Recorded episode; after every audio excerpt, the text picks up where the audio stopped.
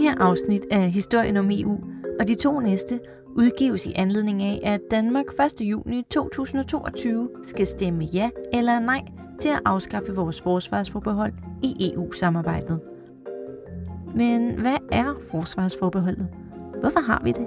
Og hvorfor overvejer vi at afskaffe det? Det undersøger vi sammen i de her tre særafsnit af Historien om EU.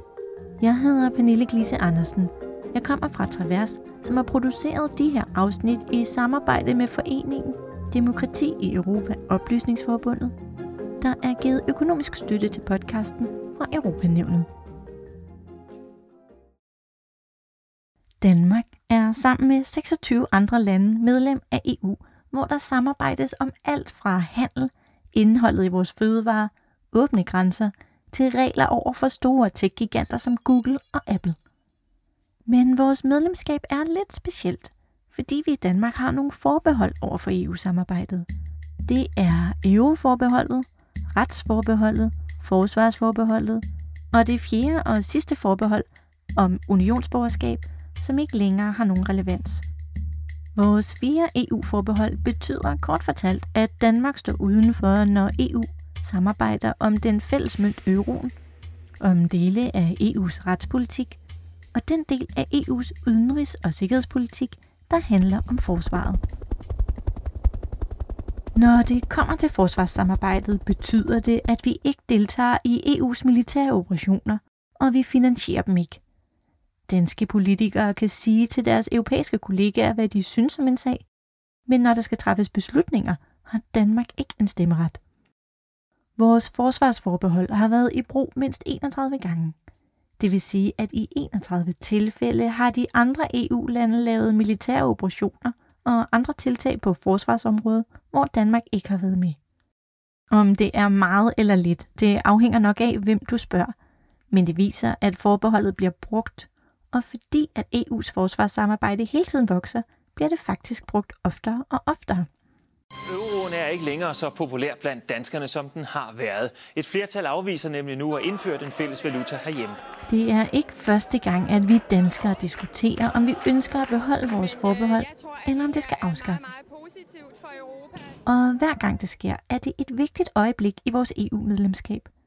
For hvis et forbehold først afskaffes, så er det væk for evigt, og så rykker vi lidt tættere på de andre medlemslande. Indtil videre har vi hver gang valgt at holde fast i vores forbehold. Det er blandt andet derfor, at du stadig overfører 15 kroner på MobilePay og ikke 2 euro. Vi er i starten af 90'erne. EU hedder på det her tidspunkt EF, det europæiske fællesskab. Danmark har været medlem siden 1973, og sammen har medlemslandene nu store ambitioner for et nyt og tættere europæisk fællesskab. Hele planen skriver de i en aftale, som de kalder Maastricht-traktaten.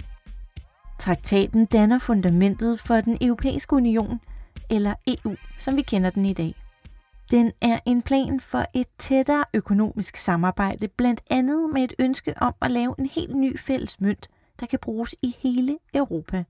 Det er det, vi i dag kender som euroen, og som vi danskere har stemt nej til. Der er også planer for at arbejde på en fælles udenrigs- og sikkerhedspolitik.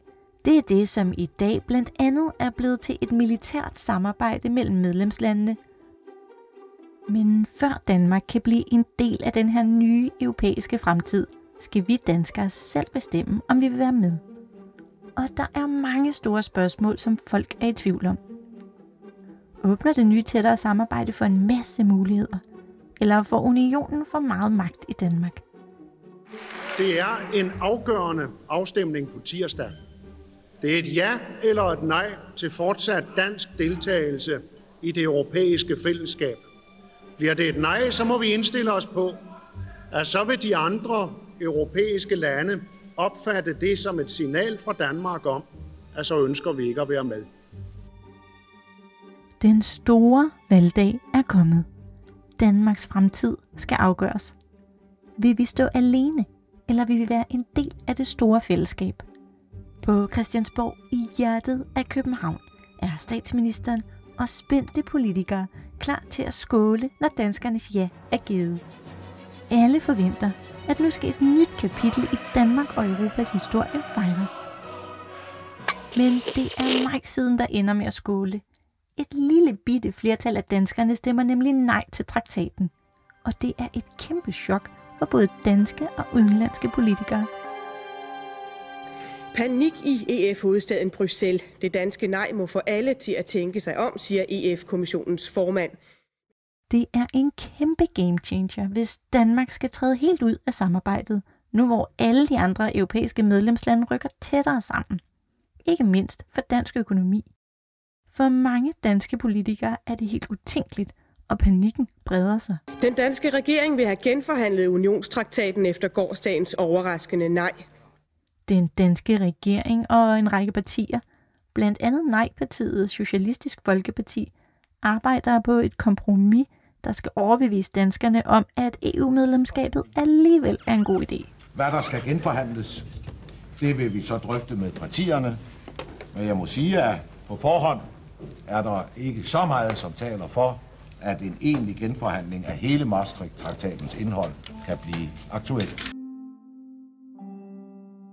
Og sådan kommer de fire forbehold ind i billedet. Fire danske forbehold, altså undtagelser for nogle af de ting, som bekymrer danskerne. Fælles forsvar, fælles mønt, fælles retspolitik og unionsborgerskab. De andre EU-medlemslande de går med til, at Danmark kan være med i EU med fire forbehold. Og nu er det op til danskerne selv. Er forbeholdene nok til, at vi vil ændre et nej til et ja? Det ender med et ja til Maastricht-traktaten, og Danmark bliver en del af unionen. Mange politikere ånder lettet op. Den europæiske union bliver til virkelighed, og i dag er EU en fuldstændig naturlig del af vores samfund. Da vi dengang i 1993 fik vores forsvarsforbehold, var det før EU overhovedet havde en forsvarspolitik. Den skulle først laves. Og derfor skal forbeholdet fra dengang ses som en måde at holde sig uden for, hvad man frygtede EU's forsvarspolitik kunne udvikle sig til i fremtiden. I dag ser det helt anderledes ud. I dag har EU en fælles forsvarspolitik, vi kan forholde os til. I næste afsnit så skal vi dykke ned i debatten om forsvarsforbeholdet ved at se nærmere på den aktuelle situation. Der er nu krig i Europa. I februar 2022 vender Rusland op og ned på vores virkelighed, da de invaderer Ukraine. Netop det har tvunget danske politikere til at se nærmere på Danmarks sikkerhed. Og det er samtidig årsagen til, at det er netop nu, at vi skal til afstemning om forsvarsforbeholdet. Det er blevet tydeligt, at selvom vi her i Danmark lever i fred, er det stadig vigtigt at tage ansvaret for vores egen sikkerhed seriøst. Men hvordan gør vi det bedst? Og hvad er scenarierne, hvis vi stemmer ja, eller hvis vi stemmer nej? Tak, fordi du lyttede med. Der er i afsnittet brugt citater fra TV2-nyhederne og DR's TV-avis fra 1992. Der er brugt et klip fra statsministeriets pressemøde den 24. februar 2022. Og så er der lånt en bid af EU's officielle melodi, komponeret af Beethoven.